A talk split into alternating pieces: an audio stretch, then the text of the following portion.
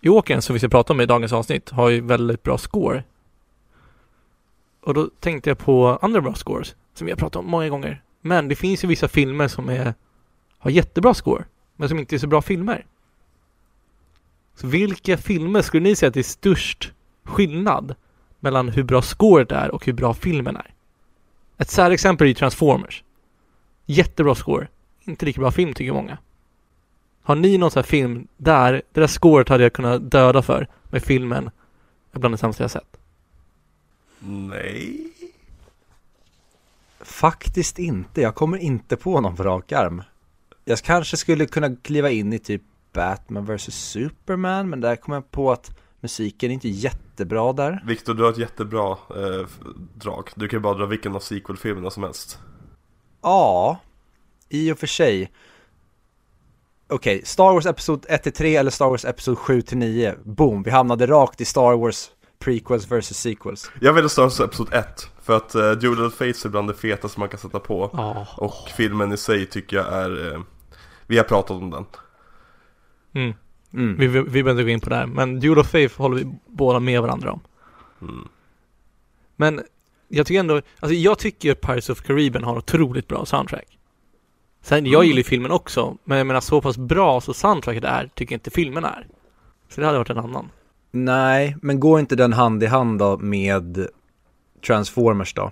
Mm. Jo, För att kanske. jag tycker ändå att Transformers 1 och Pirates of the Caribbean-filmen, de första, är jättebra.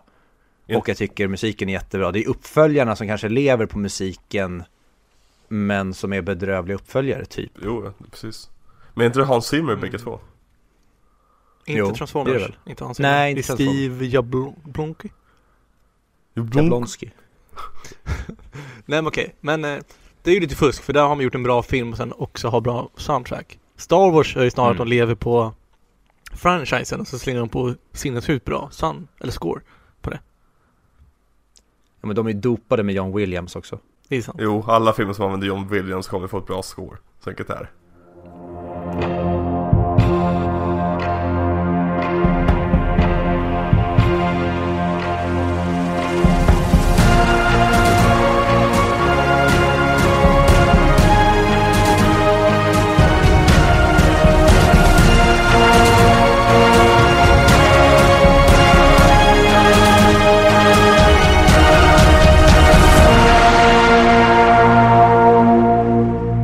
Hälsar jag er välkomna till ännu ett avsnitt av 100 Mic Podcast. Det vill säga podcasten som går igenom IMDBs topp 100-lista men inte Charlie Chaplin.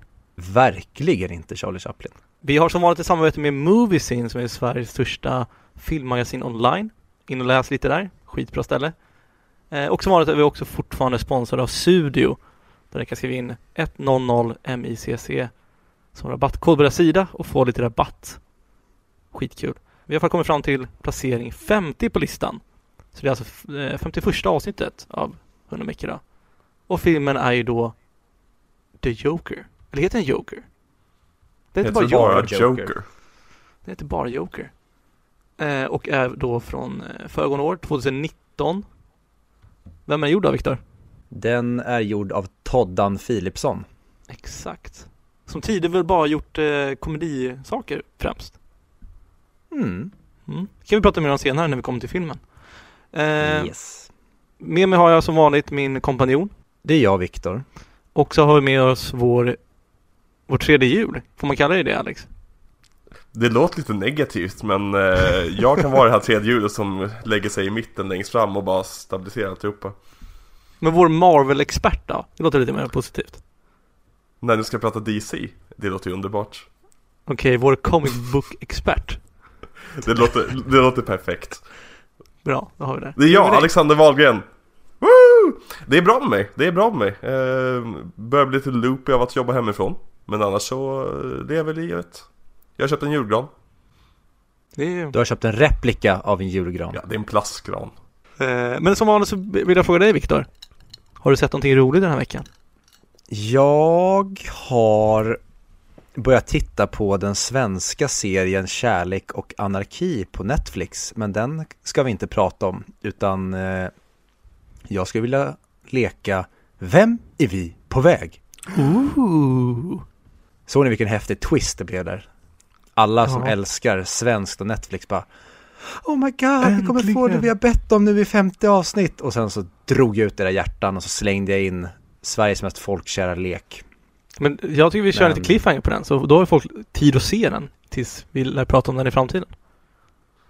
Mm, det tycker jag Men eh, jag tänkte att ni ska få tävla mot varandra Vi har ju inte kört Vem är vi på väg nu på ett tag Så det är ju roligt med en liten eh, comeback Ja, jag är obesegrad mästare ju.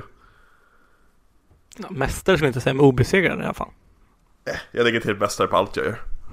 Och ni vet ju som vanligt att när ni kan svaret så säger ni ert namn och sen så får då motståndaren ta av sig hörlurarna så att släng inte ur som Viktor Järner brukar göra. Släng inte bara ut svaret utan ta det lugnt, vänta, ni kommer få en chans att svara om ni bara andas.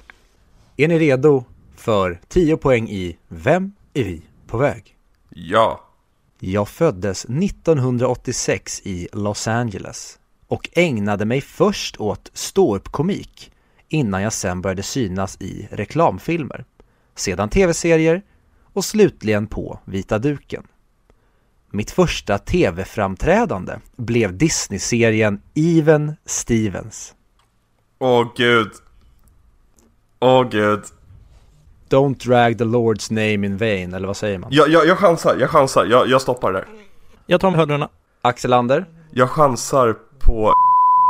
du chansar på om vi bipar här sen ändå så att ingen vet om det är rätt eller fel.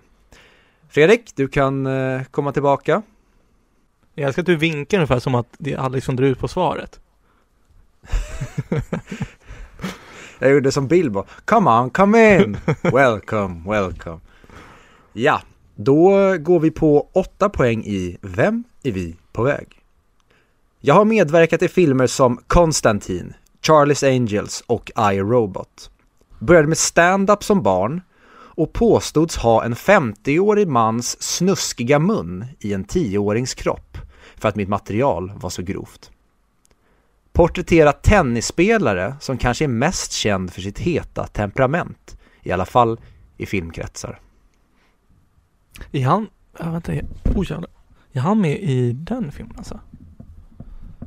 Uh, oj. Nu ska vi se. Ah. Så ni tror inte att det kan vara en kvinna? Jag har ju inte berättat vilket kön det är. Nej men han ah, porträtterade John McEnroe.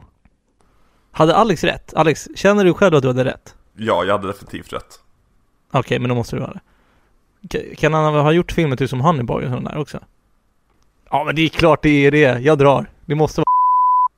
Åh, komiskt för att ni har inte samma gissning. Eller så har ni det, vi får se. Men vi går ner på 6 poäng i Vem är vi på väg? Pappa kallade mig för honungsgrabben, vilket kanske kan uppfattas som disturbing. Hans solo har varit min frånvarande pappa, men det kom även en film om min uppväxt där jag fick chansen att visa hur min pappa utsatte mig för psykisk och fysisk misshandel för att få mig att prestera som talangfull barnskådis. Känner ni er eh, säkra eller osäkrare på era svar? Ja, Alex vann igen. Fortsätt du kan läsa resten. det är inte klart, vi, sluta! Ni kan ju inte bara hoppa in, hur skulle det se ut om Helenius hörna eller något annat program hade och sen kör man en tävling och mitt i programmet då börjar deltagarna bara utnämna sig Stop själva till att de count. svarat rätt. Ja, ja, det har blivit en trend nu med Trump. Vi ska aldrig göra klart någonting. Så fort man ligger bra till, då är det bara avbryt skiten. Vi kör fyra poäng i Vem är vi på väg? Märkte ni att mitt tonfall var mycket mer deprimerat nu eftersom ni har förstört stämningen här i studion?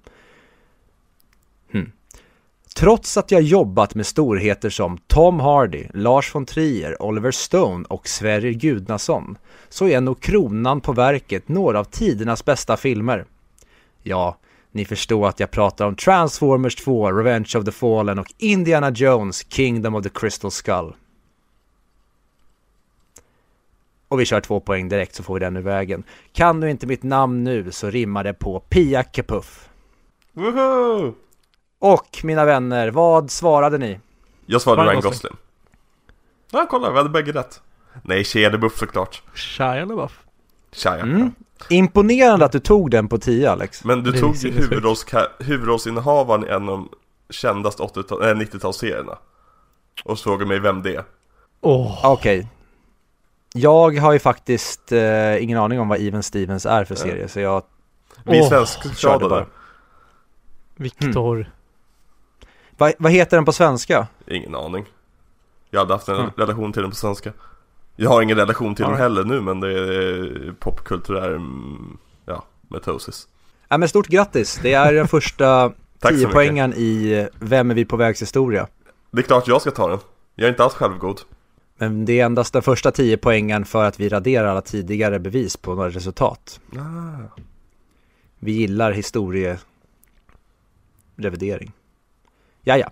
Vi kör igenom ledtrådarna.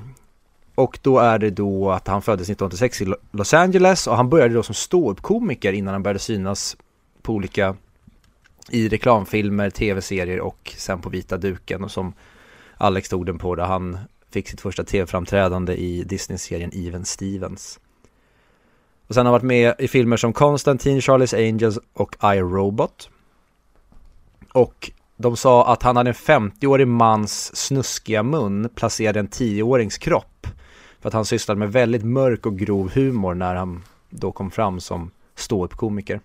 Hellre en 50-årings snuskiga kropp i en 10-årings mun. Det där får stå för dig. Vi sysslar inte med sånt där i den här podcasten. Vi är goda medborgare. Jag sa hellre det än... Skitsamma, fortsätt. John McEnroe. Ja, han spelade John McEnroe i filmen, heter den Borg eller heter den Boy vs McEnroe? Jag kommer Det inte heter ihåg. Borg i Sverige väl? Men Borg vs McEnroe i USA. All right, all right. Är den Den bra? var lite speciell, men jag, gill, jag gillade den ändå. Okej, Mm. nice. Jag tyckte det var en eh, bra svensk film. Ja, om man... ja. Jag, jag var ju så förvånad att det var Shia eller Shia eller om uttalas namn, LaBeouf med i den. Mm. Eftersom ju- just den var svensk. Och jag har alltid sett Shia som otrolig alltså A-klassificerad skådespelare. Han har haft en komplicerad karriär. Mhm. Gjorde han? Mm, det har han. Men eh, vi går vidare då. Ja, han gjorde ju då filmen Honey Boy som är då en, ett porträtt av då när han spelar sin far. Och den handlar ju då om hur, det, hur han då påstår att det var att växa upp med den här farn när man då är talangfull barnskådis. Som då blir utsatt för, eh, ja, psykisk och fysisk misshandel måste man ändå kalla det för när pappan då abusar honom för att han ska prestera och eh, stanna kvar hos honom. Är den värd att se? Ingen av er har sett den? Nej. Väldigt bra, jag kan rekommendera den. Lagom lång ser jag också. 1.34. Oh, skönt. Mm. Yes, och sen har han jobbat med storheter som eh, Tom Hardy. Han gjorde ju Lawless bland annat med Tom Hardy. Han har jobbat med Lars von Trier, han var med i Nymphomaniac. Han har jobbat med Oliver Stone som gjorde Wall Street 2, Money Never Sleeps eller vad det nu heter. Och sen då med Sverre Gudnason i Borg. Men vi vet ju att de bästa filmerna han har medverkat i är ju då som eh, den lilla gapiga och flängiga pojken i Transformers 2 Revenge of the Fallen och han spelar ju då Indiana Jones son i Indiana Jones Kingdom of the Crystal Skull. Två mästerverk som vi nog aldrig kommer att glömma. Alltså, LaBeouf var väl ändå med de tre första Transformers-filmerna. Tycker det är lite taskigt att du bara drar upp den, den sämsta av dem. Trean är Nej, också men det är för att det är den Nej men tvåan är den bästa. Tvåan är en av de bästa filmerna som gjorts. Ja, ja, precis, exakt. Jag minns inte trean. Nej, jag minns inte heller Mm. trean. Det är alls. Jag alltså inte en enda bildruta från den. Trean är mäktig. Ni kommer ihåg att de prickskjuter ögonen på robotarna när de tar över en stad? Patrick Dempsey från Grey's Anatomy är väl med i den va? Kanske. Vad frågar du? Ja, ja. Skitsamma. Vi ska inte dröja kvar i det här. Jag tycker eh, nästan att vi istället för att fastna kvar i eh, Shia LaBeoufs eh, vara eller icke vara tar oss vidare till en annan person som utnyttjades eh, med både psykisk och fysisk misshandel under sin uppväxt. Vi har kommit till filmen om Pernilla Wahlgren. Det är dags att prata om Joker. Ska jag fylla på där? Det var lite skrattretande tycker jag. Övergång. Ett annat skratt som Mhm. retar, det är ju Jokerns. i Joker. Retar det? Ja, men det är, det är lite retfullt. Hans skratt. Ja. Och en annan person som reser sig ur askan, det är ju en Fenix. Och nu ska vi prata om Joakim Fenix. Och en annan väldigt obekväm situation för alla som inte är Viktor och Fredrik är också att kolla på Joker. Så nu ska vi prata om Joker.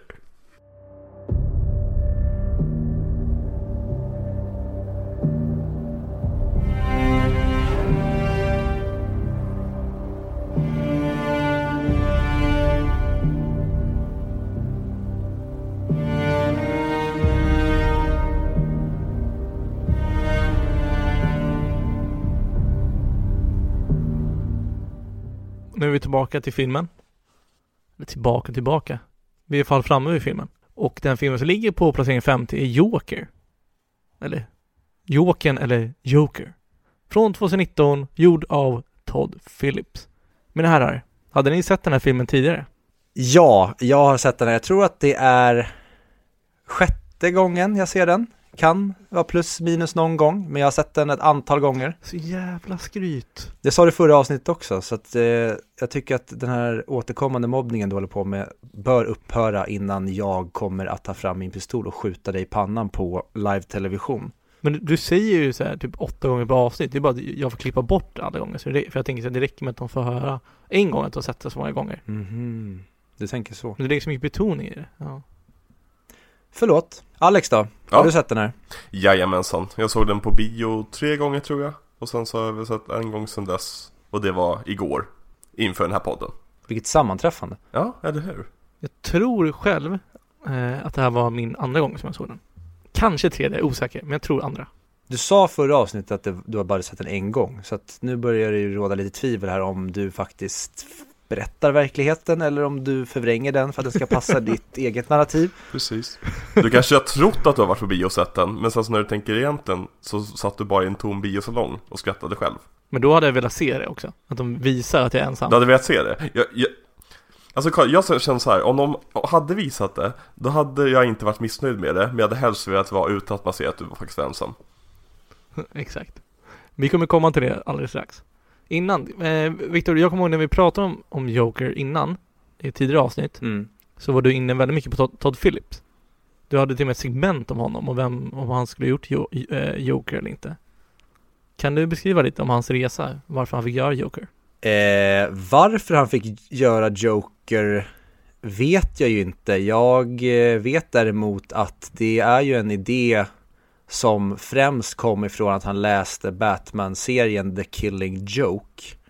Som då fokuserar mycket på Jokern och så fick han den här idén. Men Todd Phillips kom ju från början, han är ju pretty much en ren komediregissör. Han är ju mest känd för att ha gjort Baksmällan-filmerna.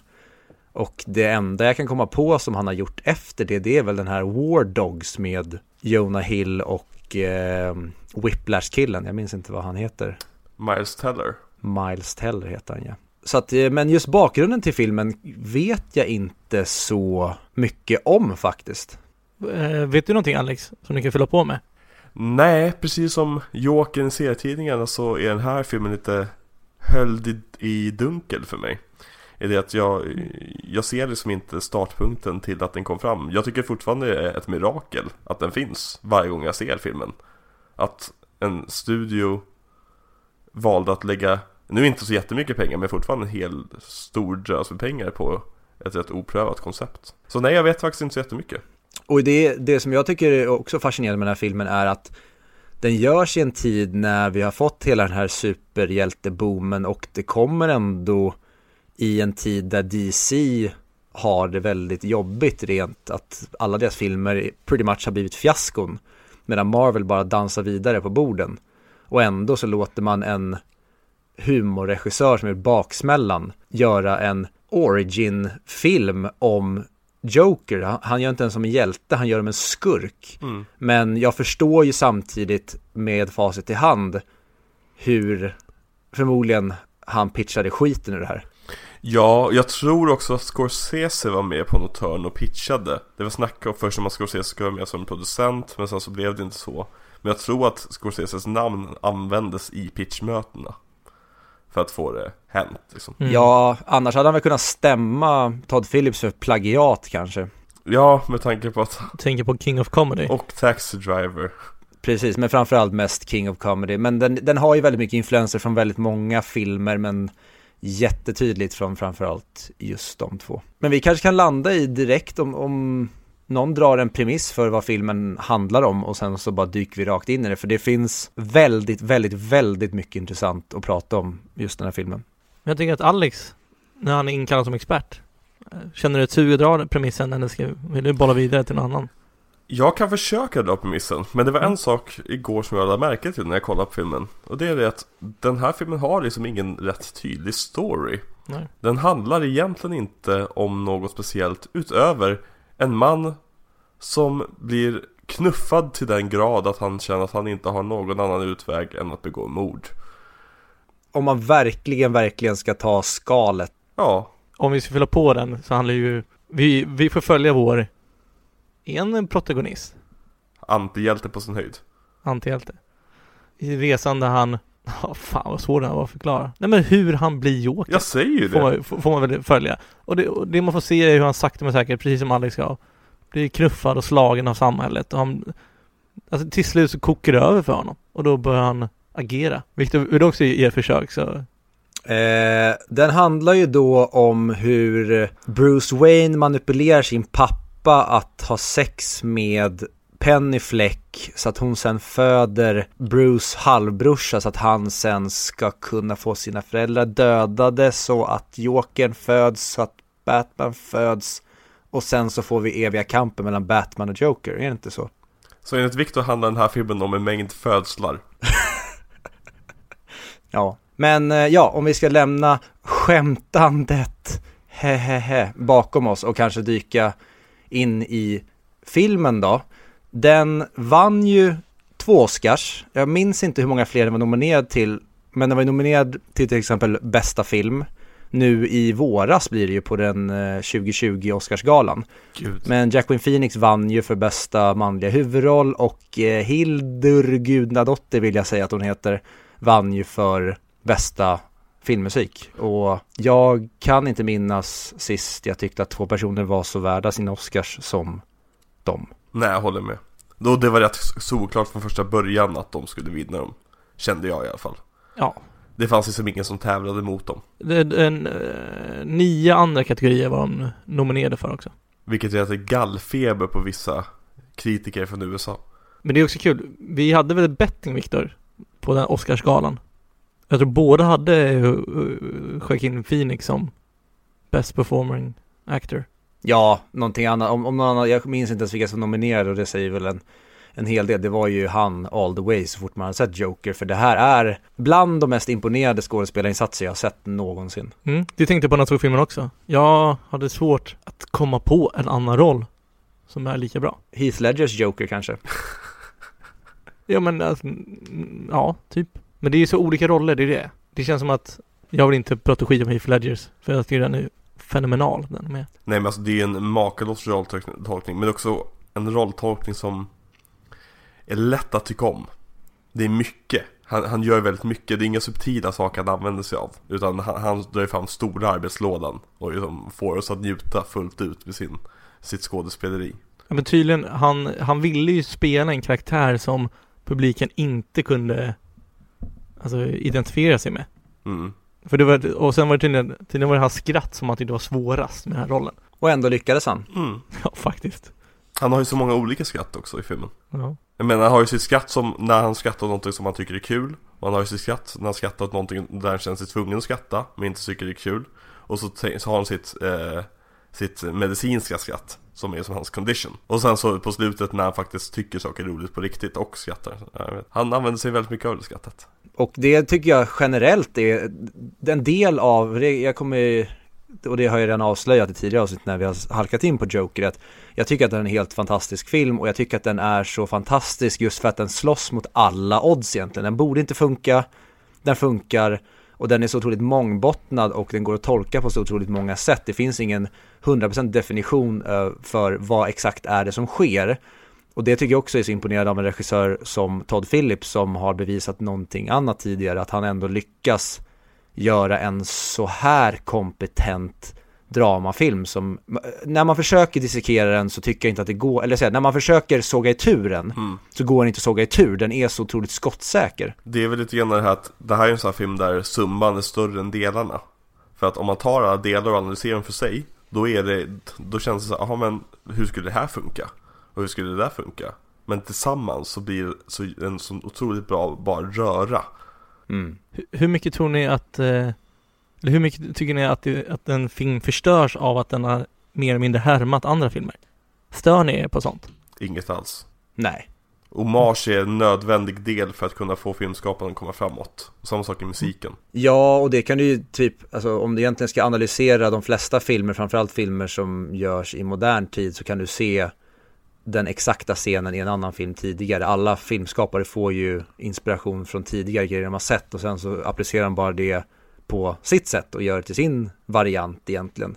Mhm. Det är väldigt sällan skulle jag säga som det är någonting som man känner att åh herregud, här har någon bara blivit hög på syra och sen har han fått en helt banbrytande idé utan alla lånar och skäl och förfina saker och det behöver inte vara stöld utan det är ju oftast hyllningar till Mm. någonting som man tycker är briljant som man sen ser en möjlighet att kanske göra ett alternativ på. Men jag tycker att just Joker, om du tänker på referenserna till typ King of Comedy Alltså ja, Joker härmar eller har, en, har hommage till den filmen Men den är ju lik den filmen på något annat sätt än storyn. Alltså, det kommer, alltså Joker försöker göra helt andra saker än vad King of Comedy försöker. Med musik och film, hur de filmar, skärper djup och så vidare. De, satsar ju på helt olika saker. Så det är ju inte som en, en scen för scen remake Utan det är ju mest bara, åh det råkar handla om samma saker och jag är så influerad av det. Okej, för jag har inte sett dem andra så jag vet inte hur lika de är. Det var därför jag undrade. Alltså inte- om du skulle läsa Wikipedia-artiklarna skulle du säkert tycka att de var jättelika Men skulle du se filmerna så skulle du tänka, ja men, ja, men jag, ser, jag ser likheterna men det är inte alls samma film Alltså King Comedy är mycket lättsammare Mycket Okej. lättsammare Ja, och eh, tydligen så folk ville ju ha det här. För det här var ju Ja. första R-rated movien i historien som, som eh, to make one billion worldwide. One mm, billion dollars. Helt Plus, sjukt plus den har tydligen fått en åtta minuter lång stående ovation också på någon filmfestival.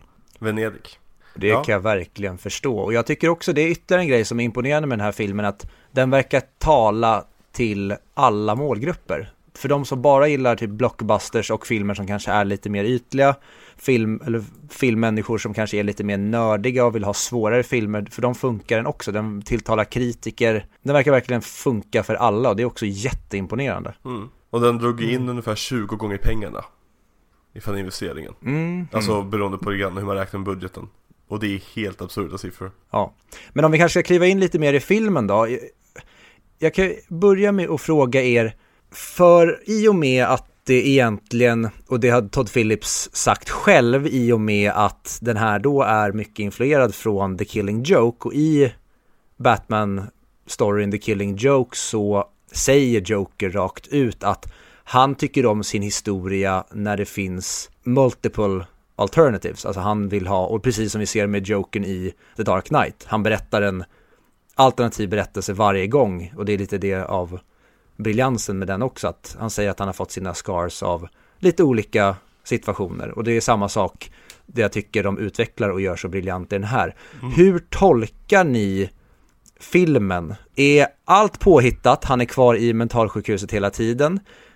Är den delvis påhittat att han har episoder i det här tragiska livet som han då för, förfalskar som till exempel när vi får se att tjejen som han då är tillsammans med, att de delarna inte finns. Eller är det så att pretty much allt det här händer utom just delarna med flickvännen typ. Alltså det som, det som filmen uppenbart visar att här har han förvrängt det. Är den väldigt, väldigt ärlig och sanningsenlig eller är det, var sätter ni den på spektrat från fantasi till att sakerna händer? Alltså jag tycker första alternativet är typ det tråkigaste man kan säga om en film. Det var, det var en dröm eller han tänkte sig det bara. För det, det, det underminerar filmen helt. Och det finns ingen anledning till att göra filmen om det skulle vara så. Tvåan, det är där jag lutar mest mot att vissa saker, mer än det vi ser, är påhittat. För att filmen sätter ju upp det på ett sätt Men å andra sidan så vet jag, alltså det är så mycket som kanske inte riktigt stämmer, stämmer överens när man ser två scener efter varandra Sen på scenen när han klättrar in i sitt, i sitt kylskåp följs direkt av en scen där han bjuds in till att vara med på Burry Show. Och jag vet inte hur vi ska tolka det. Ja, jag lutar ju åt det tråkiga hållet i så fall, i din mening Alex. Jag hävdar ju att allting är påhittat. Och att han hela tiden sitter i mentalsjukhuset, att vi får se där han är i slutet. Det är där han egentligen suttit hela tiden och att hela filmen är hans skämt som han då skrattar åt och så säger han till henne att äh, du hade inte förstått det. Dels för det, är ju samma tid på den och när han sitter och pratar med sin andra psykolog. Mm. Alla klockor i filmen står på 11.11 och det är ju komiskt med det och det som kanske varför din tes då skulle funka är ju för att 11.11 är ju en klassisk önskar dig någonting. Mm, nej. 11.11 har Todd Phillips gått ut med sagt det hänvisar till en bibelvers som har med eh, nu minns jag inte exakt vad det är, men det har med just att bli nedtryckt av samhället att göra. Så det är det det betyder. Alright, men 1111 är också ett önskningsgrej om man vill se det så. Fast jag, jag har aldrig hört talas om det utanför Sverige. Men ja, skitsamma. Jag har aldrig talas om det överhuvudtaget, men skitsamma. Eh, Jag, jag vet bara inte, vad, vad ger det filmen att det bara var en dröm? nej men det handlar inte om vad det ger filmen, det handlar om vad allting i filmen pekar på. Men varför vill Todd Phillips göra filmen? När han sätter sig ner och skriver så här, hmm, nu ska jag skriva en historia som bara är en dröm. Vad vill Todd Phillips berätta? Bara en cool story. Vadå, alla filmer är ju på låtsas? Vad gör det om det är, är låtsas på i filmen också?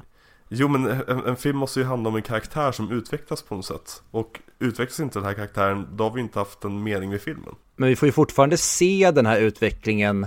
Sen så tänker jag att okej, säg att några delar av det här är hur hans liv har varit och att vid någon punkt hamnar han på psyket, men vi får se Okej, det finns en verklighetsförankring i det han berättar, men det gick inte till på det sättet, utan det är hans typ åter, hur han återberättar för sig själv i huvudet och hur han önskar ut, hur utfallet hade varit. Mm.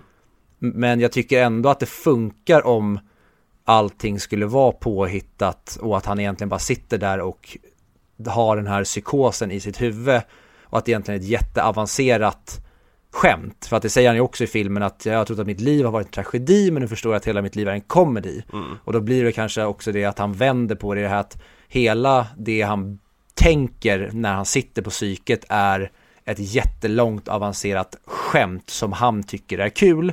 Men ur samhällets ögon så skulle man se allting som att det vore en tragedi och det är det jag tycker med den här filmen att där vet jag, det där, och hade varit Scorsese som hade gjort den här, då hade jag sagt att den här filmen är typ den mest mångbottnade och komplicerade filmen som har gjorts. Mm. Men Todd Phillips tar ju det ifrån mig, men samtidigt vill jag inte ta det ifrån Todd, Todd Phillips bara för att han har en viss bakgrund. Nej. Men jag tycker ju verkligen att, just som han har då har sagt i intervjuer, Todd Phillips, att den här filmen är öppen för tolkning. Mm. Han säger själv, det finns, eller han säger inte att det inte finns något svar, men han tänker inte berätta att det finns ett rätt eller fel. Och det tycker jag ju filmen ännu mer briljant, att det spelar ingen roll om han sitter på psyket hela vägen, eller om det här faktiskt händer honom, att han hamnar på psyket Mm. i slutet. Allt det här funkar ihop, eller hur man än vill liksom leka och plocka med det, och det är det jag tycker är en del av filmens briljans. För, för mig är det lite grann det här att filmen, jag älskar filmen Men den balanserar på meningslöshetens kant hela tiden. Att jag ser inte riktigt varför den här filmen är gjord. Jag ser inte riktigt vad det är som vi vill, ska få berättat för oss i filmen. Eh, Nu tycker jag att den landar bra, eftersom jag tycker om den. Men om den skulle gå över till att och han satt bara på ett mentalt sjukhus hela tiden Då går vi över till, okej, det var en samling snygga scener. Fine, jag ger 3 av 5 men, så är det så här, kan ni ge exempel på en film som du ser meningen med? Alltså så vi förstår vad, vad du menar. Lejonkungen Simba börjar som en eh, bortskämd snorunge han, han får lära sig den hårda vägen att eh, det, familj betyder någonting Han kommer tillbaka och så besegrar han sin, sin eh, elaka styvbrorsa, eller vad heter det, uncle Och sen så tar sin rätta plats i kungariket Det är en hjältes resa 1, 2, 3 liksom. Jokerns story är Nej alltså det är det, alltså, man kan, inte- alltså i mina ögon ska man vara väldigt försiktig med att göra filmer om skurkar.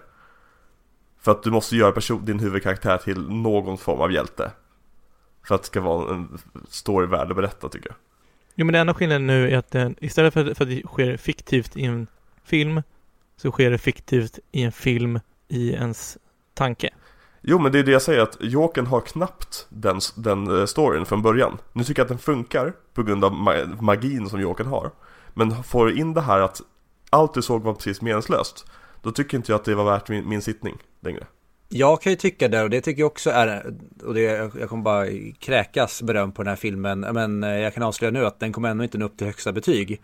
Men jag tycker att den är, det är, en, det är absolut en av mina favoritfilmer någonsin skulle jag nog säga. Men den är ju verkligen inte en av de bästa filmerna någonsin samtidigt skulle jag nog säga. Men just det här också med, och det tror jag också, det måste till 100% vara Todd Phillips mening med att, alltså det går ju typ egentligen att, alltså det här är ju en liknande story som Bruce Wayne har när han blir Batman. Han utsätts för tuffa grejer, han agerar sen på att de här sakerna händer, blir en symbol för någonting som startar en rörelse i samhället. Bara att Joker gör, den, eller Arthur i den här filmen, han gör det vad säger man, han faller för mörkret, det som Batman eller Bruce Wayne lika gärna hade kunnat falla in i när han får se sina föräldrar bli mördade. Mm. Han hade kunnat gå ut och bli en mörk och en destruktiv och en mer Joker-symbol och det är därför jag tycker de är så briljanta som varandras motpoler, Joker och ja. Batman och det tycker jag också är jättefyndigt på hur Todd Phillips gör det här. Att, och sen bakar de in det här med att han, Bruce potentiellt kan vara hans brorsa, vilket jag tyckte där då när de var på väg den riktningen när jag såg första gången bara nej, nej, nej, ja, nej, nej, nej. De är inte brorsor och sen så löser de det på ett skitsnyggt sätt med att hans morsa är psykiskt sjuk och har egentligen projicerat att de på något sätt skulle ha en någon slags love affair och hela den grejen. Men jag gillar också den här inbakningen med att han projicerar, vad heter han, pappa Wayne? Eh, Thomas. Thomas Wayne, att han skulle vara alltså det, det ondaste som finns. Och det är mm. också en uppenbar grej till varför vi, vi ser att han är en opolitlig berättare, Arthur Fleck, men också att hur ond då Thomas Wayne blir, att han uppenbarligen säger att de här människorna är clowner och sen så blir det att det finns verkligen det att det här är en fantasi, eller eh, okej, okay, inte en fantasi, men att det här är Arthurs verklighet, hur han berättar det här och saker är hur han vill att de ska vara. Och där jag började egentligen var att jag tycker att det är så jäkla snyggt med hur man kan se paralleller till alltså Bruce Wayne och vad han kunde blivit som symbol istället för att det blev liksom Batmanen som man börjar ta efter i The Dark Knight och folk börjar copycatta honom han startar en rörelse. Precis. Så blir den här filmen att Jokern, det är en clown som har mördat de här näringslivssnubbarna och då blir de en, då blir Jokern eller clownen en symbol för den rörelsen som vill stå upp mot det här ruttna samhället. Precis, kill the rich och så vidare. Jag, jag håller nog med dig Alex till en viss del. Det här med att alltid fantasifilmen blir meningslös. Men varför jag förlåter den här filmen för det tror jag är för att det här är redan en värld vi känner till. Ja, så kan man väl säga att det är en parallell universum eller vad man mm. ska kalla det. Men jag tror därför är för att jag vet, eller Eh, alltså mitt, mitt tycke är... Du vet att det betyder någonting på ett annat sätt? Nej men nej, snarare tvärtom, att det inte betyder någonting. För jag vet mm. hur det är i The Dark Knight som är ah, okay. mitt huvuduniversum för eh, Gotham. Mm. Så att oavsett om det varit en dröm eller inte, så hade det inte betytt så mycket för mig. Det här hade bara varit en resa på hur det hade kunnat varit. Precis. Och jag tror också det att i och med att du vet att det är en Joker-film när du sätter och ser filmen Du vet att han kommer mm. bli the Joker Vilket i sig är ett mål så känns inte den här inom citationstecken meningslösheten som jag pratade om genom tidigare i filmen. Den känns inte av för att du vet att det finns ett starkt och tydligt mål. Och målet för dig är att du ska få det målet. Sen så bryr dig inte så jättemycket om hans mål för att han har inget mål i filmen. Förutom att han vill få reda på sanningen och må bra. Han vill ju bli en framgångsrik komiker. Fast det målet behandlas i typ fyra scener bara. Med fyra bra scener? Ja, ja okej okay, så här. Det, det, finns inget mål som vi får presenterat för oss i början där han vill få reda på någonting, men han får ju hela tiden mål genom filmen. Oh ja, precis. Mm. Filmen rör ju på sig och det är det, alltså sagt, filmen har ju Filmen är ju magisk på det att den, den lyckas åka runt alla de här små kobbarna i sin skärgård. Den, den, den, lyckas snudda alla de här snåriga, snåriga ställen där man kan köra fast. Och så bara går den förbi det. Jag tycker den är helt fantastisk. Men, för jag tänker bara på Twilight, sist, sista Twilight när det är ett stort slag. Har ni sett den för övrigt? Ja, men jag minns typ ingenting. Förutom att det var en dröm, Nej. vilket jag hatade. Exakt, exakt. Jag hatade det också. Det är ett jättestort slag. Ja, spoiler alert, men what? Alltså, ja, Twilight. Vänta nu, vänta nu, vänta nu. Jag, jag har inte sett den här tror jag. Men får jag gissa på att det är någon som typ kan se i framtiden Och det är typ det som hela filmen är, någons vision för vad som händer, kommer att hända typ. Exakt. Bara sista slaget är det. Det är, Ah, okej. det, är så här, det magiska superslaget som man väntar på i fyra filmer. De Precis. så här, regeringsvampyrerna ska slåss mot Edward Cullen och hans familj. Och Bella. Sen ser man massa personer man gillar dör och det är så här, åh nej, vad ska hända? Mm. Och sen bara så visar han bara till eh, regeringen, eller vampyrregeringen att Typ så, det det här, kommer hända om vi slåss. Exakt. Och sen bara, nej men då slåss vi inte då. Ja, ja okej. Så går de därifrån. Det är, sätta ett, det, är ett, det är ett perfekt slut på den filmserien. De kunde inte gjort det bättre. Ja. De Bokstavligen. gör det de ska och de gör det dåligt. Eh, Ja. Nej men vi ska inte slösa mer Nej. tid på eh, Twilight en jävla sekund när vi har Joker att prata med för att det är och det jag tycker, om, om, man, så här, om man struntar i om det är på, på riktigt eller inte och bara se hur de porträtterar mental ohälsa i den här filmen är en så briljant film i sig. Hur man, om man bara tar honom hur han är i början av filmen med hans awkwardness och han är rädd för allting och sen se honom i slutet som den här blommade fina tulpanen när han verkligen har vänt på tragedin till komedin. Och jag tycker verkligen att den så jäkla snyggt hur han hela tiden växer och växer och växer och växer och sen så blir han bara den här helt plötsligt hade man, hade de, tänk om man hade hoppat från starten när han sitter på bussen och håller på att avlida för att han inte kan sluta nervösskratta och sen så får man se honom dansa i trappan. Det är, det är två helt olika människor. Ja, absolut. Men alltså, om, om vi ändå pratar om tempot så tycker jag att mycket saker händer i filmen hela tiden. Det, det tar inte lång tid innan han skjuter de här tre rika douchebags eller Wall Street-människorna. Fast det är ju typ en timme in. Är det verkligen det? Tror det. Eller i alla fall för 40 minuter in. Men för annars tycker jag filmen är lite seg ibland. Den känns seg av anledning tycker jag. Jag kan förstå varför man tycker det. Jag håller ju dock inte med alls. Jag tycker att filmens seghet, alltså det man kallar seghet, är typ det som gör filmen bra. För att hade den varit hetsigare, då hade den nog irriterat mig mer på de här sakerna som kan gå fel. Som eventuellt alltså, flickvännen till exempel. Mm. Och det var en av de grejerna som jag blev mest egentligen knockad av när filmen startade, när jag såg den första gången.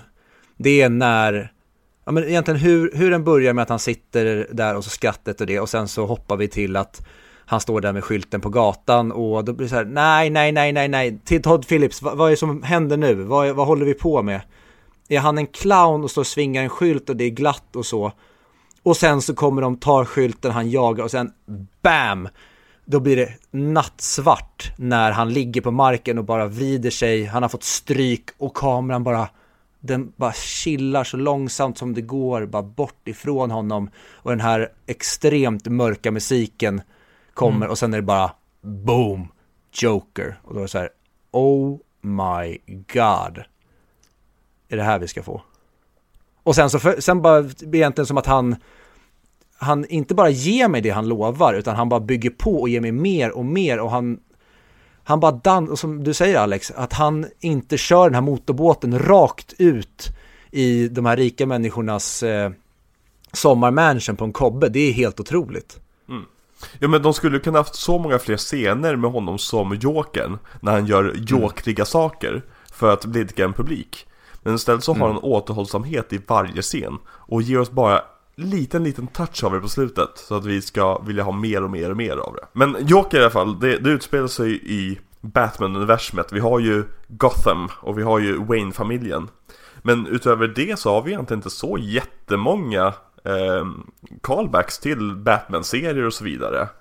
Eh, hur känner ni egentligen, utspelar sig den här Jokern i samma värld som Batman i era ögon? Alltså tyvärr ja. Men jag hade hoppats på att den inte gjorde det. För mig gör det ingenting för jag vet att det här inte är riktiga Batman-världen.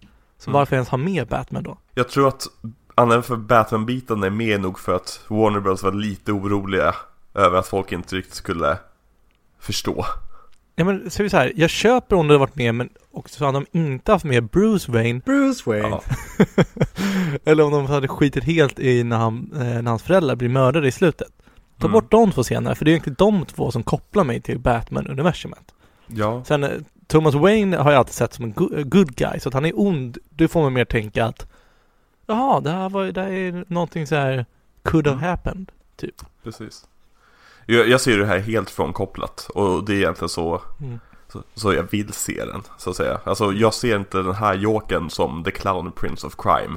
Som kommer hitta på massa roliga gadgets för att slåss mot Batman och ha exploderande gummifiskar och grejer. Utan det här är egentligen bara en, en, en tolkning av en person som blir mordisk som råkar vara en clown. Ja, men jag tycker samtidigt att, för det är en grej jag har försonats med, det tyckte jag inte om första gången jag såg det, det här med att i slutet när han sitter på sjukhuset och sen så får vi se då när han tänker på att Bruce Wayne sitter själv mm. där i gränden och hans föräldrar är döda. Det här är jättemycket, jättemycket problem med första gången för jag tänkte att varför måste ni baka in det här för det räcker med det vi har. Mm. Jag hade kunnat skippa det här så hade vi kunnat slippa någon connection alls som Fredrik säger. Men det som jag tyckte är så snyggt nu, det är att, okej, okay, men ponera att Arthur sitter där han sitter på grund av att samhället har behandlat som han har gjort det. Han har den, han har den relationen till Thomas Wayne som han har i fantasierna, även fast den delen kanske inte har hänt. Men ändå så målar han ju upp Thomas Wayne som den största skurken. Han är the big bad boss och är roten till allt ont enligt Arthur då som ser till att han har hamnat där han har hamnat då, om vi ska baka in ännu mer, inte bara samhällsmässigt vad han gör med samhället, men även vad han gjort mot hans mamma och ja. hans familj och hur han typ har även behandlat honom då, om, om man nu skulle tro att det var hans pappa eller att han inte tror att det var hans pappa eller bara hur han träffar honom, hur han behandlar honom. Mm. Men då blir det ju nästan som att han har gått igenom den här resan, alltså nästan och samma sak igen om man vänder på det, att han har gått igenom den här Batman-resan och han besegrar skurken i slutet och det som hela poängen med det här långa skämtet på två timmar som är filmen, det är ju att han dödade Thomas Wayne och lämnade hans barn själv nu. Precis. Så att han förmodligen kommer bli adopterad. The jokes on him, din jävla sopa och så mm. garvar han åt det. Att det blir som ett väldigt, väldigt, väldigt, väldigt avancerat och långdraget skämt. Precis. Men som Arthur säger att samhället bestämmer vad som är roligt och inte. Så blir det att han skiter i för att han tycker att hans typ av humor är den roliga även fast samhället tycker någonting annat. Jo men exakt, alltså den tolkningen gör ju också, den legitimerar ju att ha med Bruce Wayne. Ja. För att det finns ju en, en, en väldigt stark och tydlig och rätt viktig koppling tematiskt mellan de två karaktärerna. Om vi bara bortser från att Bruce Wayne blir Batman, alltså vi behöver inte ens tänka in de tankarna. Vi, vi kan bara, bara tänka det här till som uh, The Golden Sun mot the, the Unwanted Sun. Mm. Ja, men det, det är ju den scenen som får mig att tro att allting var påhittat också. Det är så han tänker att Batman kanske hade kunnat återuppstå. Eh, sen så gillar din förklaring Viktor. Den gick jag igång på. Ja, för jag, jag har när jag funderat och även kollat typ andra folk som haft teorier just för att när den kom så ville jag ju landa i ge mig ett svar. Jag vill veta, är det, är han, har han hittat på allting eller är allting på riktigt eller var landar vi någonstans? Och det verkar som att ingen kan komma fram till den lösningen och just på grund av den här Killing Joke-grejen att Joker säger i den då som Todd Phillips har sagt att den är mycket inspirerad ifrån att han gillar mer när det finns alternativ, att man får bestämma själv eller det finns inget riktigt svar och det tycker jag gör den här filmen ännu mer briljant om då Todd Phillips har haft det, den, liksom det mindset när han har gjort det här och lyckas utföra det så här snyggt som han gör. Då är det ju hur briljant som helst skulle jag säga och jag gillar verkligen att den film, alltså så här, det är som du själv får bestämma det. Om du Fredrik tycker att hela filmen är hans huvud, mm och det är det bästa för dig, då får den vara det. Och om man tycker att allting i filmen händer utom de grejerna som filmen uppenbart visar är i hans huvud, då får den vara det. Jag tycker att den funkar hur du än gör och det älskar jag så mycket med den här filmen. Mm. Om inte du ville fylla på någonting där Alex så tänkte jag hoppa till en annan fråga till er två.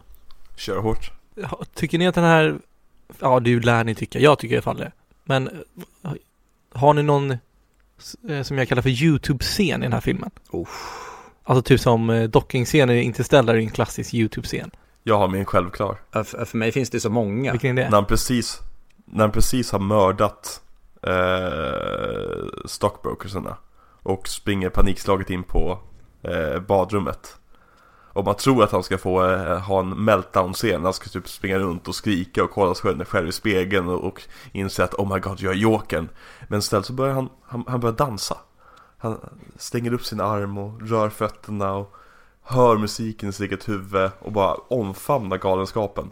Det är en av de mest gastkramande och underbara scener jag sett på bio på flera år. Och det var någonstans där jag insåg att okej, okay, det här är en film som vet exakt vad han håller på med. Mm. Tog, tog han inte dansen från Requiem for a Dream också? jo. Pratade inte vi om det? Jo, att den, den var ju otroligt lik. Ja.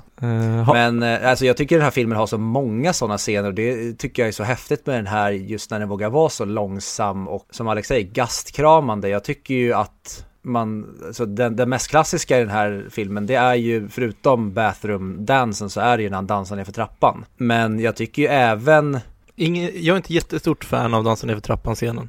Jag tycker den har blivit uttjatad av sociala medier. Ja, men det tar inte ifrån hur bra den är. Det kanske är liksom ännu mer starkt att det var en så bra popdänga som blev uttjatad och till slut så spyr man på den. Men jag tycker att vad den scenen gjorde med mig när jag såg den var bara så här wow, han har nått sin högsta Pokémon-utveckling. Han är fullfjädrad, he's ready to go. Nu ska Mm, han upp i ringen och tampas med Murray här. Han har, alltså, han har gått från att vara rädd för allt och så fort det blir minsta lilla grej att någonting går emot honom så skrattar han nervös att han börjar gråta helt okontrollerat. Nu har han liksom omfamnat det och blivit världens jävla, alltså han står liksom och gör juckgester när han dansar offentligt. Det här är, no, det är något helt annat. Han har kommit ur skalet och blivit den, den vita svanen. Men det är ju scenen innan som jag tycker är den bästa YouTube-scenen. När de två clownkompisarna kommer hem till honom. Hela den scenen tycker jag är magiskt bra. Ja, men jag tycker inte det är en, en YouTube-scen. Okej, kanske om du har sett filmen och känner till kontexten, men jag tycker de andra scenerna funkar så bra för sig själva om du bara ska visa, här är en scen som framkallar det här eller det här. Men jag håller med om att den scenen är kanske där vi verkligen får se när han tappar det på riktigt, när han börjar skämta på den grad att han dödar en av personerna som är i hans lägenhet. Och sen säger han, det är okej, du kan gå. Och sen när han ändå går förbi, då driver han som att han ska döda honom. Och den typen av, den mörka humorn blir verkligen så här, ja, ja, ja, ja, ja, ni, ni, är, ni är så jävla rätt ute. Kör nu bara, kör för i helvete. Ja, det, den är magisk. Det är, tycker jag är filmens bästa scen. Ni behöver inte hålla med. Kan eventuellt vara vägen att hålla med dig. Ja, oj! Det är en av filmens bästa scener, definitivt.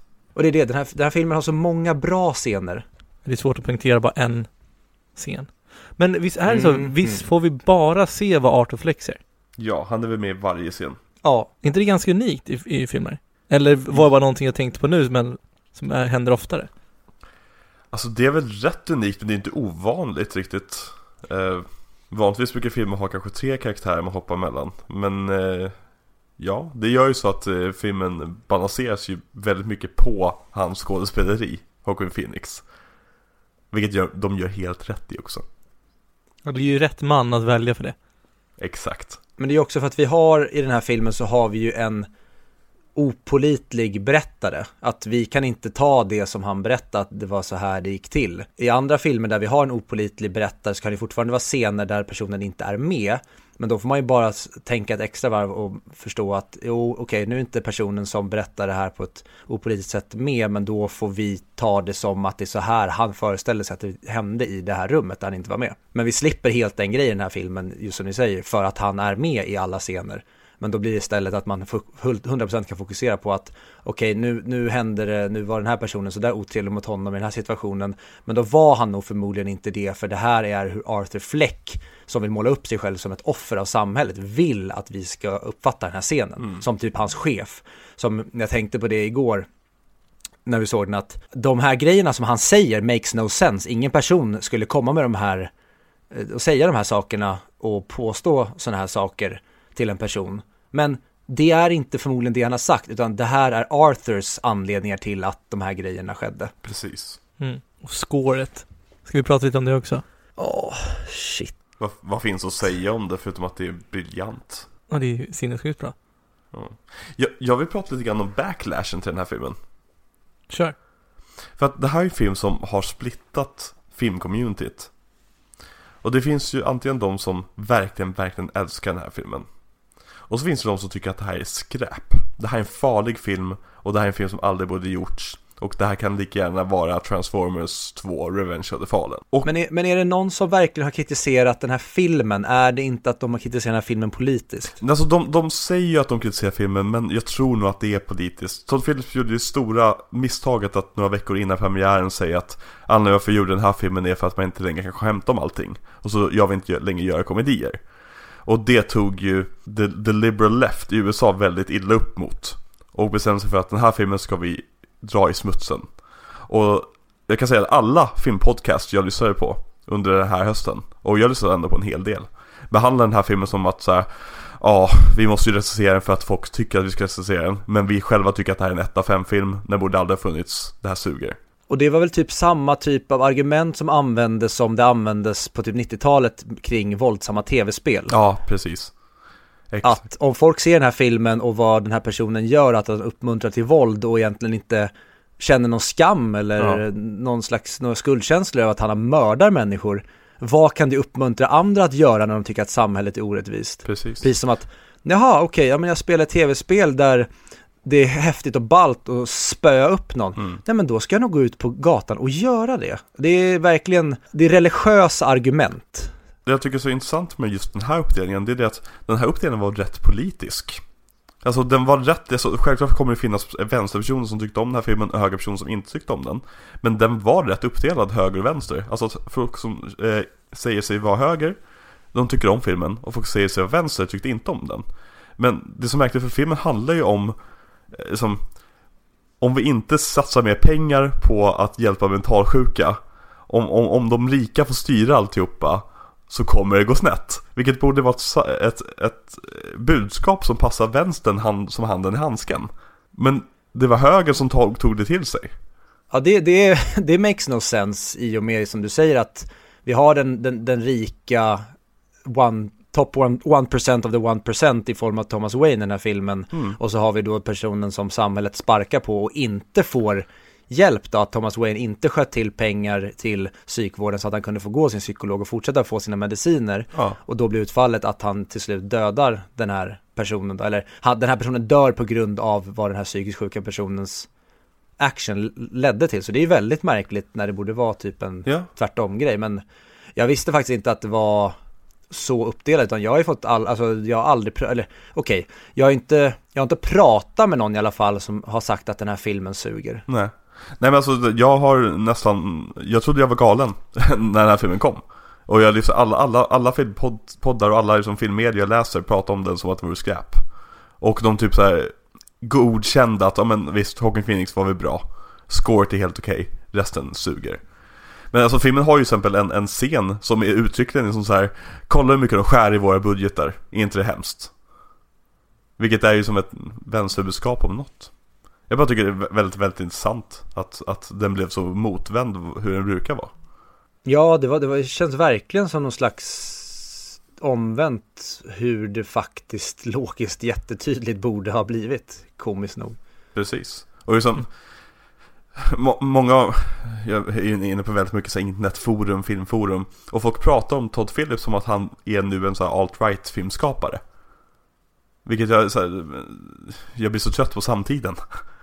Ja, och det, det är tråkigt. Det är ju någonting som jag tycker ändå vi har hållit oss ifrån i den här podden, Fredrik, är att det har blivit tyvärr så jäkla politiskt i filmbranschen, och speciellt i Hollywood, att har du obekväma åsikter, det spelar ingen roll hur duktig skådespelare och omtyckt du är, då ska inte du få möjligheten att göra fler filmer, eller så ska du på något sätt sona för dina brott för vad du har uttryckt eller så. Det är ju jätte jätte, jättetråkigt när vi egentligen, allt vi vill ha är bara se till att sätta bästa personerna på bäst position och sen så ser vi till att få fram den bästa filmen. Sen skiter vi i om det här passar ett visst narrativ, om du är lagd åt en höger eller vänsterpolitik. Vi vill ha bara så bra film som möjligt och det är precis det det känns som att Todd Phillips har gjort och sen när människor bara placerat honom i ett fack på grund av att de läser in saker i den här filmen som absolut inte finns där. Eller de finns där, mm. men de har absolut inte tänkt att peka på ett samhällsproblem eller någonting som finns idag. Exakt. Folk förväntade ju väl sig snarare att det skulle komma en massskjutning på grund av den här filmen. Och så kom det aldrig. Även fast media pushade på som fan. Mm. Det kanske var de som eh, tog rollen som Batman då och räddade det. Exakt skolskjutaren, eller säga bioskjutaren tänkte att men det är inget kul om de redan berättar vad jag ska göra. Ja, jag fick ju undvika läsa på konstiga forum. Eh, för jag blir bara irriterad på människor. Uh, har vi någonting mer att säga på filmen? Jag vill prisa fotot. Ja, jag, det la verkligen märke till den här gången jag såg om den. Att fotot är verkligen, varenda jäkla bildruta är ett konstverk. Och de använder så mycket av fokus och att ha skarpt fokus i mitten av kameralinsen och sen så suddigt fokus utåt även fast det är samma eh, skärpedjup och så vidare. Jag tycker att den är verkligen, mm, ser nästan ut som makrofotografi. Fotot i den här filmen är så otroligt gorgeous. Men det blev inte nominerat för bästa foto va? Nej, jag tror inte. Vad ska man säga? Jag tycker ändå är, om den nu är så politiskt laddad den här filmen så är jag förvånad över att den fick så många Oscarsnomineringar som den fick. Men det var väl också någon slags, var det inte ett motstånd mot att Jacqueline Phoenix skulle vinna den här? Jo, precis. Alltså det var ju, på Twitter var det ju ett, ett kollektivt öh när han vann. Men Ja. vad heter kategorin för bästa foto? Eh, Best cinematography. Den var nominerad för det. Med Lawrence Shear. Ja, nice. Vad sa du, den var nominerad för det? Det var skönt att höra. Slapp jag bli arg där då? Precis. Ja. Ja men det är ju otroligt. Men jag skulle vilja kliva över till eh, kritik som jag har till den här filmen. För att det finns några grejer som jag tycker tyvärr att de trampar lite snett med. Jag tycker till exempel att de hade kunnat undvika att blanda in Thomas Wayne, Bruce Wayne och de grejerna. Fast jag tycker att just när man lägger pusslet med hur det faktiskt blir till slut med att han gjorde att den här mannen som symboliserar all ondska för honom, hans barn blev ett orphan. Men jag hade kanske tyckt att det vore bättre om de hade lämnat utanför. Det kunde varit att barnet bara tillhörde en viss person som han fortfarande tyckte var djävulen själv. Det behövde inte vara just i Gotham det utspelade sig. Det kunde lika gärna bara varit New York, vilket det faktiskt typ ska vara. New York 1981, där de här sakerna faktiskt pågick med att det var skräp och skit och folket höll på att förlora sin sanity på grund av hur saker såg ut. Men jag tycker ju tyvärr att den är ibland för övertydlig och det är ju tyvärr på grund av att det här är en film som alla då kanske ska förstå och det är kanske därför så många tycker om den för typ en scen som att, ja men med att vi behöver se en flashback när han får revealat för sig att mamman var sinnessjuk. Jag vill inte se en flashback till när Penny Fleck sitter på mentalsjukhuset och de förklarar för henne att hon är knäpp i huvudet. Jag tycker det är mycket bättre att vi låter sådana där grejer vara. Just den gillar jag. Man får se henne i bakgrunden. Jag tycker det är ett snyggt sätt. Mhm. Att, att få se hur han ser på situationen. Det jag däremot Ja. håller med dig, som jag vet att du kommer komma till om du inte redan sagt det. Det är när man får se flashbacks när han är med sin tjej. Och hon är inte där längre. Ja, Där håller jag med dig. ja. Ja, alltså jag tycker det är övertydlighet, men jag tycker inte att den övertydligheten sabbar. Men hade jag fått bestämma hade jag inte varit där.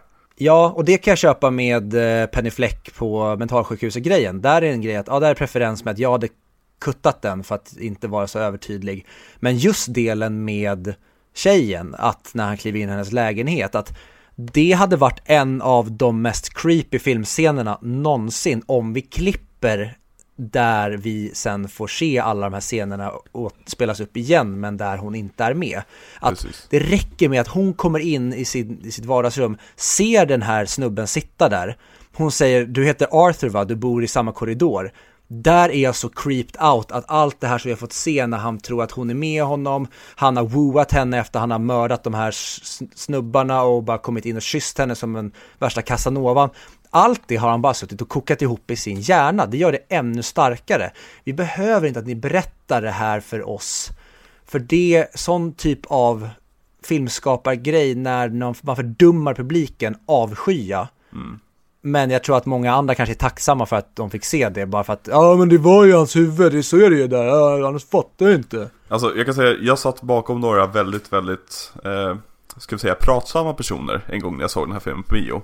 Och jag kan säga att de förstod när de fick se. De sa Jaha! Ja, ja, ja, ja såklart! När liksom typ sista scenen eh, av liksom flashbacks-montaget. Så jag tror nog att för gemene man så är det nödvändigt för annars blir det för förvirrande. Jag vill inte ha en film gjord för gemene man. Jag vill ha den bästa filmen och sen får alla som tycker att den är bra hänga på. Men jag förstår också att man inte kan göra alla filmer så tyvärr. Att det finns studios och massa människor som ska ha ett finger med i grejer. Det är Och för mycket pengar för att göra så pass narrow. precis, och därför hade jag haft ännu mer respekt för Todd Phillips om det hade varit så att han faktiskt vågade göra det. Mm. Men eh, man kan inte få allt här i livet. Men då blir det heller inte en 10 av 10 film för att Nej. Todd Phillips eller en studio som tvingar Todd Phillips att göra de här besluten, det blev som det blev. Och då tyvärr, då fick du inte ut den bästa möjliga filmen enligt mig. Nej. Förtjänar filmen en uppföljare? God no. Verkligen inte. Jag såg din blick Viktor, du var nära. Jag, jag känner så här. jag vill inte ha en uppföljare. Men skulle de göra en uppföljare, jag skulle vara där på premiärdagen. Jag skulle vara taggad. Jo, Kommer en tvåa så kommer man ju se den. Sen, sen behöver inte göra, det är som Star Wars till exempel. Sen behöver vi inte gå den vägen. Eller som Hobbit, man ser ju dem fortfarande. Sen behöver inte de vara bra. Men som första filmen var bra så vill man väl se nästa också.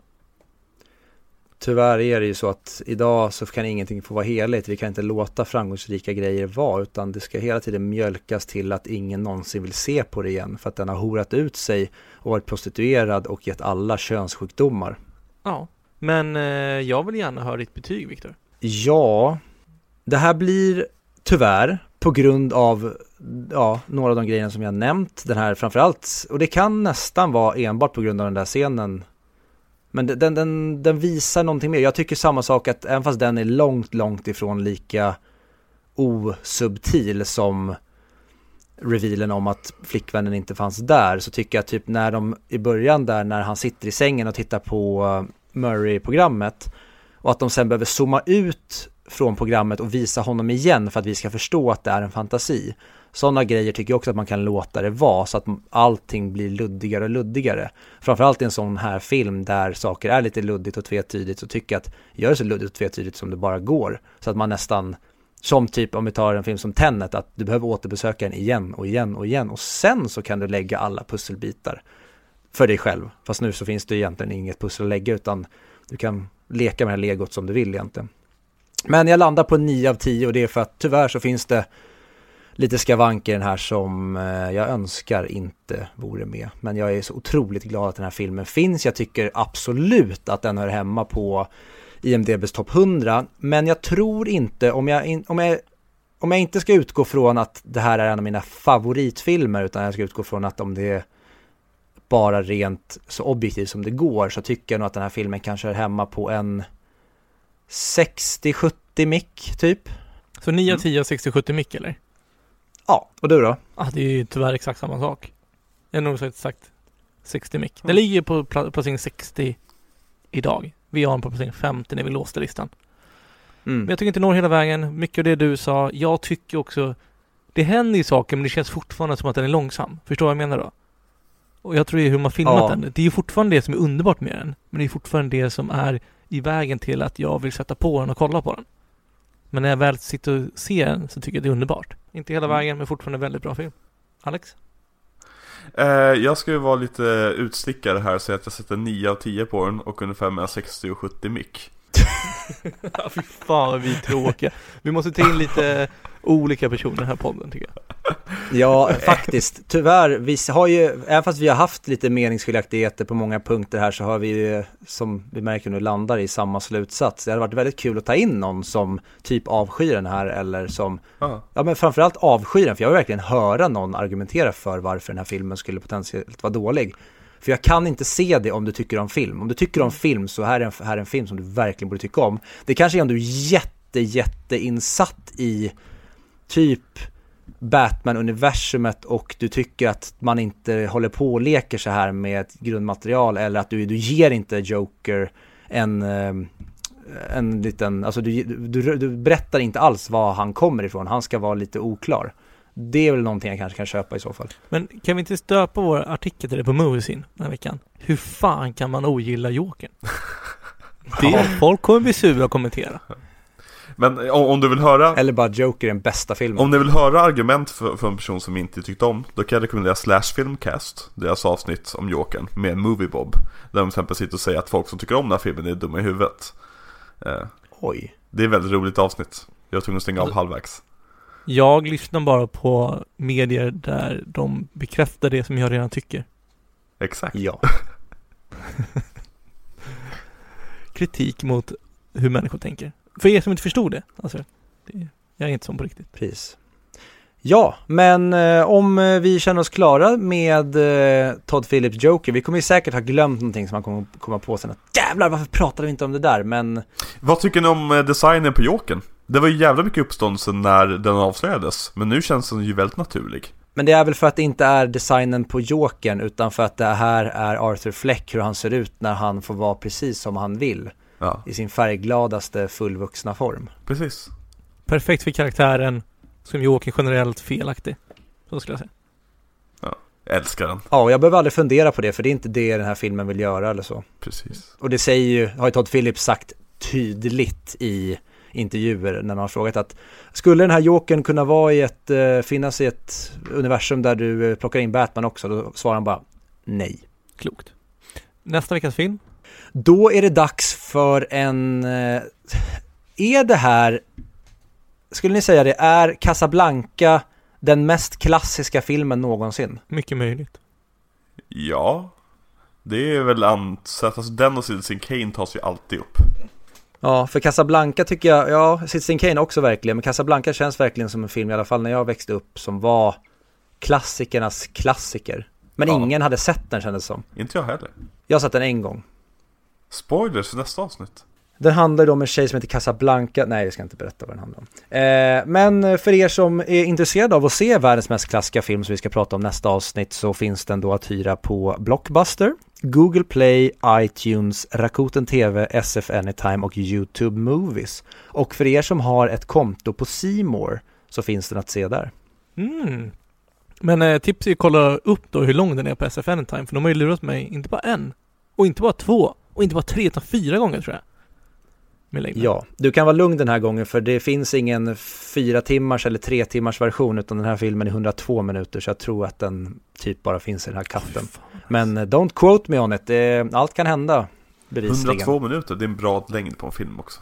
Jävligt bra längd. Men eh, om ni gillar bra längder, in och följ oss på sociala medier. 100 mick podcast. What? Och följ mig, Cage Me Down.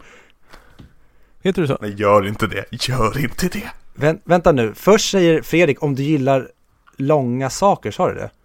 Nej, på tal om längder så här. väl? Jaha, om du betalar om längder och så säger du att du ska gå in och följa oss. Det låter som att du invitar någon till någon slags porrsida och sen kommer Alex och berättar och vill att någon ska cagea honom. Men hur du tolkar saker är inte vårt bekymmer. Jag tolkar inte, jag bara säger som det är. Eh, bra, med det sagt. Tack Moviesin, tack Studio, tack Alex för att du kom. Tack så mycket för att jag fick komma. Vad, vad är det här? Femte gången va? Något sånt. Jag har Jag var- rekordet i alla fall. Det är det viktiga. Det kan man lugnt säga. Vem, Viktor Järner är väl den som varit med två gånger va? Mm. Ja. Du, eh, Otroligt tråkig content när vi egentligen sitter och funderar ut på hur många gäster, eller gäster vi har haft. Alex, du vann. Ja. Det tycker jag är kul. Nej, det är mytbildande. Jo men jag menar det som Viktor nu ska sitta och rabbla upp. Men eh, alltså det sjuka är att det är ingen som verkar ha lyssnat på våra Patreon-avsnitt där vi eh, intervjuar personer som Steven Spielberg, Martin Scorsese. Vi kommer ju nu köra släppa ett specialavsnitt med Jacqueline Phoenix på Patreon. Precis. Men det kostar tusen dollar. Det säger Hi Joakim, how did you like playing Joker man? Ni, de fick en teaser på ett Patreon-avsnitt när vi, pra- när vi intervjuade hon som spelar hon indiska brottaren. Just det.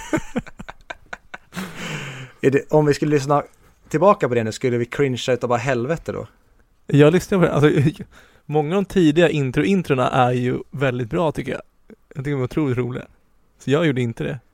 Ja, så hör ni det, Men ni som inte har Nej, lyssnat på precis. tidiga avsnitt. In och lyssna. Det var då ni var unga och hade motivation och var, kände oss fräscha och ville någonting. Exakt. Och om ni har andra tankar om Joker eh, eh, än vad vi hade så får ni jättegärna skriva det på Moviesin-posten där den här publiceras. Eller på Facebook på mm, ja, posten där den här publiceras. För vi vill jättegärna höra från er om hur ni tänker och inte tänker. Verkligen. Eller mejla at, nej, filmmixern at gmail.com. Nej, nej, nej. Den här, alltid annars ska ni mejla till filmmixen, men den här gången så Jaha. vill jag faktiskt att ni mejlar till oss, för jag vill höra andra åsikter om Ja, Joker. Så kanske vi kan sammanfatta dem i nästa avsnitt eller något. det här var längsta outrot vi någonsin har gjort. Så nu tar jag av hästen i kappan och sätter mig på den. Och sen så rider vi ut i solen tillsammans. Ride out with me. Yes. Nu ska jag klä på min kostym, måla mitt ansikte, åka raka vägen till Fyras hus och skjuta David Helenius. Ah, Så har vi fått den svenska versionen av Joker. Uppenbart skämt, så anmäl oss inte. jag ska bli jätterik Nej. och sen så ska jag ha en affär med en mentalsjuk tjej och sen så när hon och hennes son blir väldigt fattiga så ska de inte hjälpa dem. Ja, det får bli avslutningen den här veckan. Tack för att ni har lyssnat. Ha det så trevligt. Tack. Trevligt. Adjö. Hi, hi. Hej hej!